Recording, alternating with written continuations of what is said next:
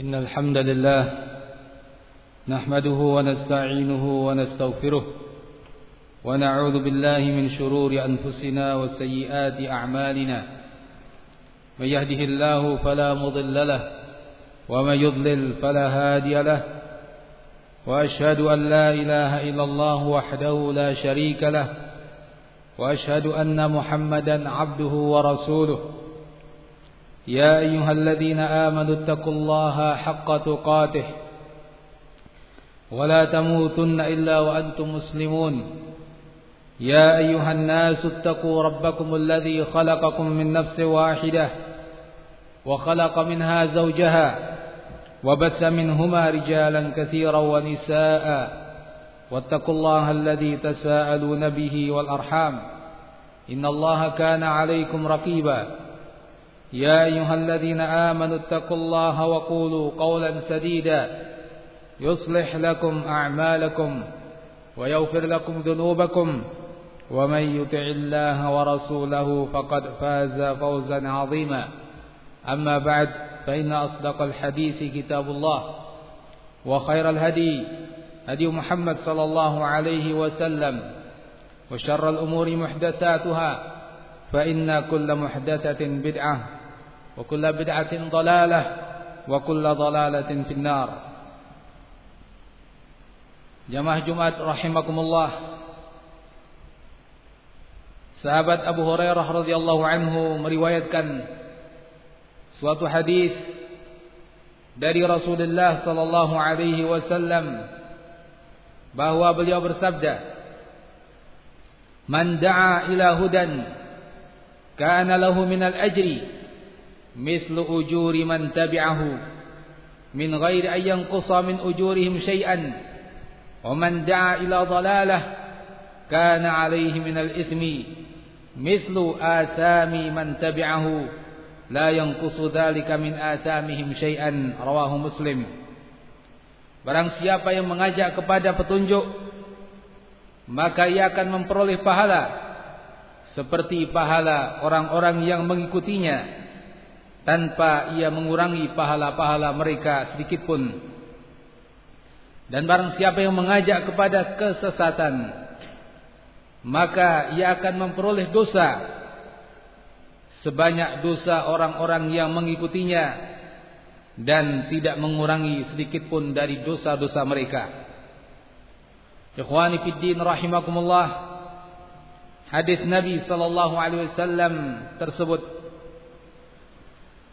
Menerangkan kepada kita di satu sisi tentang pentingnya mengajak berdakwah dan beramar ma'ruf dan nahi mungkar.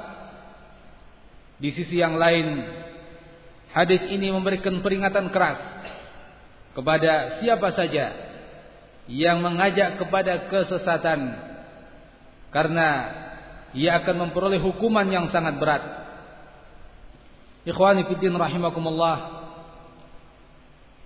Suatu hal yang dianjurkan oleh Allah Azza wa Jal dalam ayat-ayatnya sebagaimana disebutkan dalam hadis Nabi tadi yaitu seseorang mengajak kepada petunjuk mengajak kepada hal yang ma'ruf perkara yang baik dalam syariat ini. Dimulai dari perkara yang terbesar dan diutamakan hal itu yaitu tauhidullah mengajak manusia untuk bertauhid kepada Allah Azza wa Jalla Kemudian perkara-perkara keimanan begitu pula mengajak untuk ibadah dengan berbagai macamnya sebagaimana juga mengajak untuk berakhlak al-karimah dan segala kebaikan yang mengajak kepadanya tanpa menyisihkan kebaikan-kebaikan yang lain. Ikhwani fillah rahimakumullah. Ini merupakan anjuran dalam sekian banyak ayat-ayat Al-Qur'an. Allah Azza wa Jal berfirman dalam ayatnya Ud'u ila sabili rabbika bil hikmah wal maw'izatil hasanah wajadilhum billati hiya ahsan ajaklah menuju jalan Rabbmu bil hikmah dengan hikmah wal maw'izatil hasanah dan dengan mau'izah yang baik wajadilhum billati hiya ahsan dan berdialoglah dengan mereka dengan cara yang terbaik. Ayat tersebut menganjurkan kepada kita untuk melakukan dakwah dengan berbagai tingkatannya, berdakwah dengan hikmah, mengajak manusia dengan cara yang paling baik, cara yang paling benar.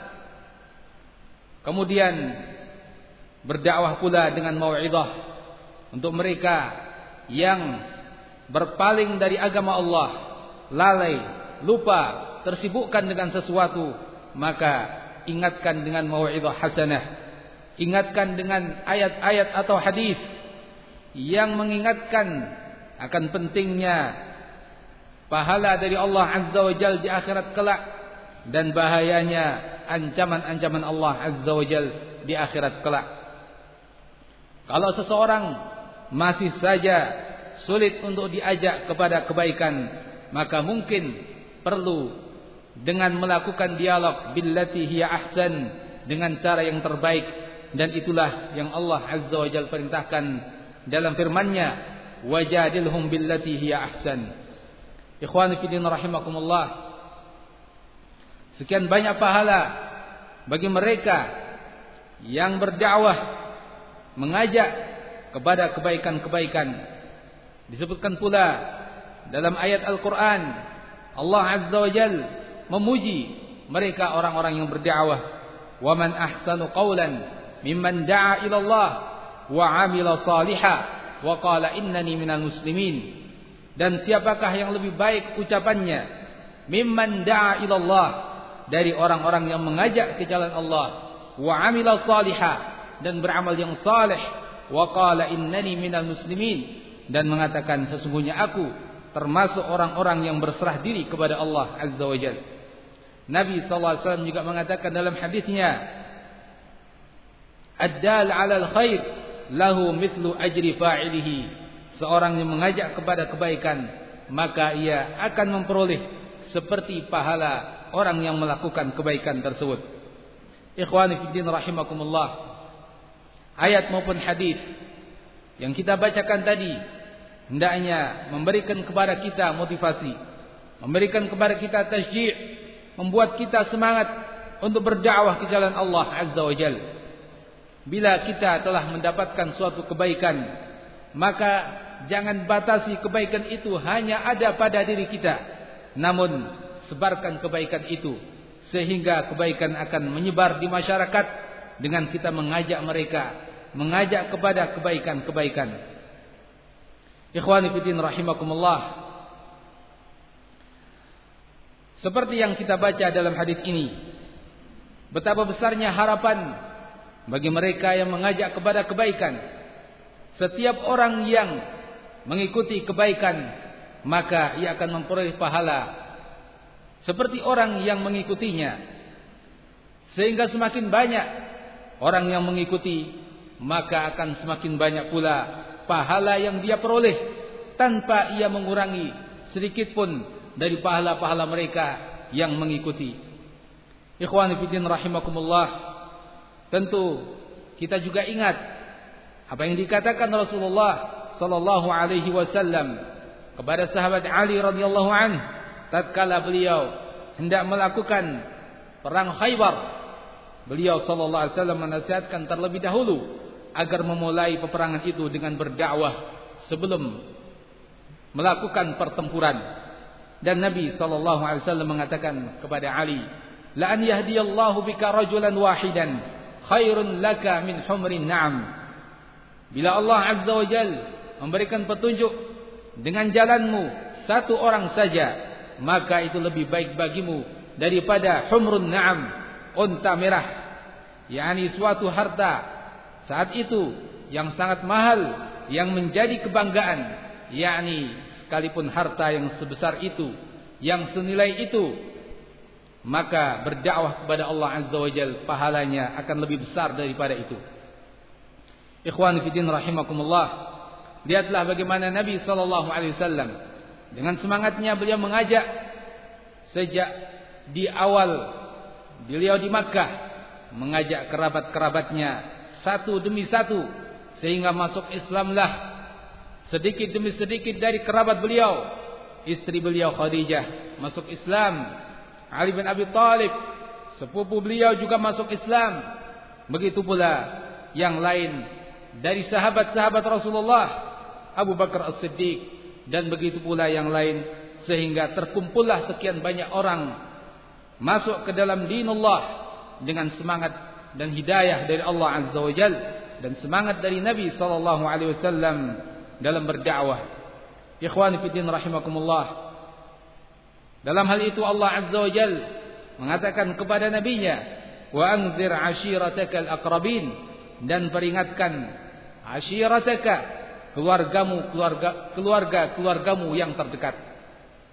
Ikhwani fillah rahimakumullah.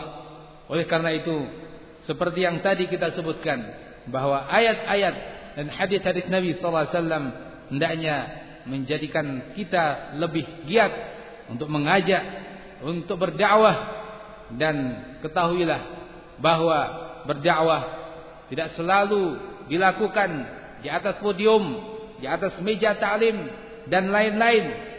Tapi berdakwah ke jalan Allah Azza wa Jalla bisa melalui berbagai macam cara berbagai macam fasilitas yang mungkin kita lakukan.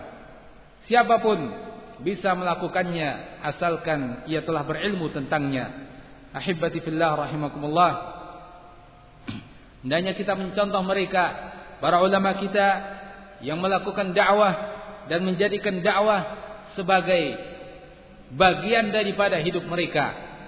Kita dapati para ulama kita rahimahumullah dari waktu ke waktu hidup mereka untuk belajar dan untuk mengajar mengajak manusia ke jalan Allah Subhanahu wa taala. Barakallahu li wa lakum bil Qur'ani was sunnah wa nafa'ani wa iyyakum lima fihi min al ayati wal hikmah. Aqulu ma tasma'un wa astaghfirullah li wa lakum.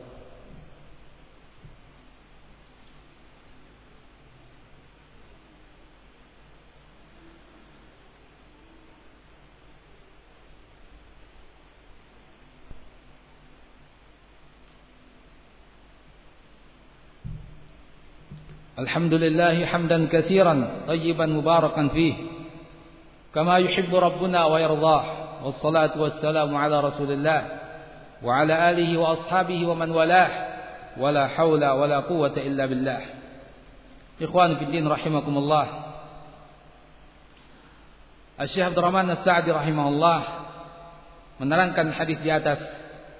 Beliau mengatakan bahwa Al-huda huwa al-ilmu nafi' wal amalus salih. Al-huda petunjuk artinya adalah ilmu yang bermanfaat dan amal yang saleh. Maka seorang yang mengajak kepada petunjuk yakni mengajak untuk berilmu dan beramal ilmu yang manfaat, amal yang saleh. Maka setiap orang yang mengajarkan suatu ilmu para guru yang mengajarkan kepada murid-muridnya atau siapa saja. Sekalipun dia bukan berstatus sebagai guru atau dai namun ia melakukan kegiatan tersebut maka ia telah masuk dalam keutamaan hadis ini. Begitu pula yang mengajak kepada suatu amal saleh terkait dengan hak Allah azza wajalla atau amal saleh terkait dengan hak-hak manusia baik hak yang sifatnya umum maupun hak yang sifatnya khusus kepada perorangan tertentu maka dia pun telah melakukan ajakan kepada petunjuk dan memperoleh keutamaan yang ada dalam hadis ini. Begitu pula setiap orang yang memberikan suatu nasihat keagamaan atau nasihat duniawi yang bisa mengantarkan kepada nasihat kepada keagamaan atau ketaatan kepada Allah Azza wa Jalla dia pun telah masuk dalam lingkup hadis ini dan ia akan memperoleh keutamaannya. Begitu pula setiap orang yang melakukan suatu kegiatan yang baik atau proyek-proyek umum yang manfaat yang mengantarkan kepada petunjuk-petunjuk tersebut maka dia pun masuk ke dalam hadis ini.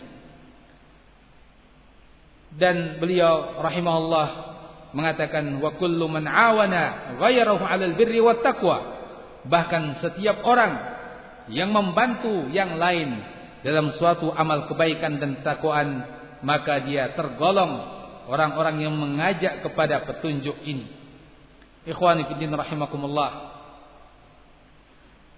Inilah hadis Nabi sallallahu alaihi wasallam yang begitu agung dan ternyata dakwah ila Allah azza wajal adalah jalan pilihan yang Allah azza wajal berikan kepada orang-orang pilihan yaitu para nabi dan para rasul. Allah azza wajal mengatakan kepada nabinya, "Qul hadhihi sabili ad'u ila Allah ala basiratin ana wa man ittaba'ani wa subhanallah wa ma ana minal musyrikin." Qul katakan wahai nabi, hadhihi sabili, ini adalah jalanku. Ad'u ila Allah, aku berdakwah mengajak ke jalan Allah ala basiratin di atas petunjuk, di atas ilmu, di atas al-yaqin. Ana wa man ittaba'ani, aku dan orang-orang yang mengikuti, mengikutiku. Ikhwani fi din rahimakumullah, ini adalah jalan Nabi Orang yang terbaik Orang yang Allah pilih Dan tentu ini adalah jalan pilihan Maka berbahagialah Bersenanglah Bersyukurlah Bagi siapa saja Yang menelusuri jalan ini. Karena ini bukan hanya jalan para nabi Tapi jalan ini pun terbuka Bagi pengikut para nabi. Wa manittaba'ani Dan siapa saja yang mengikuti aku.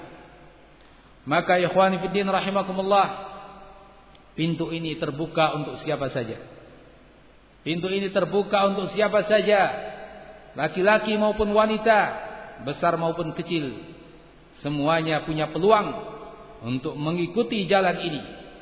Maka bila kita menghendaki kebaikan untuk diri kita Bila kita mengharapkan pahala besar untuk diri kita Dan bila kita juga Menginginkan kebaikan untuk masyarakat kita jadilah kita orang-orang yang gemar mengajak kepada kebaikan-kebaikan beramar ma'ruf dan nahi mungkar maka dengan itu insyaallah kebaikan akan segera terwujud kemaslahatan akan segera menyebar di tengah masyarakat kita demikian ahibati billah rahimakumullah Allahumma arinal haqqa haqqa warzuqna ittiba'ah wa arinal batila batila warzuqna ijtinabah subhana rabbika rabbil izzati amma yasifun وسلام على المرسلين والحمد لله رب العالمين وأقم الصلاة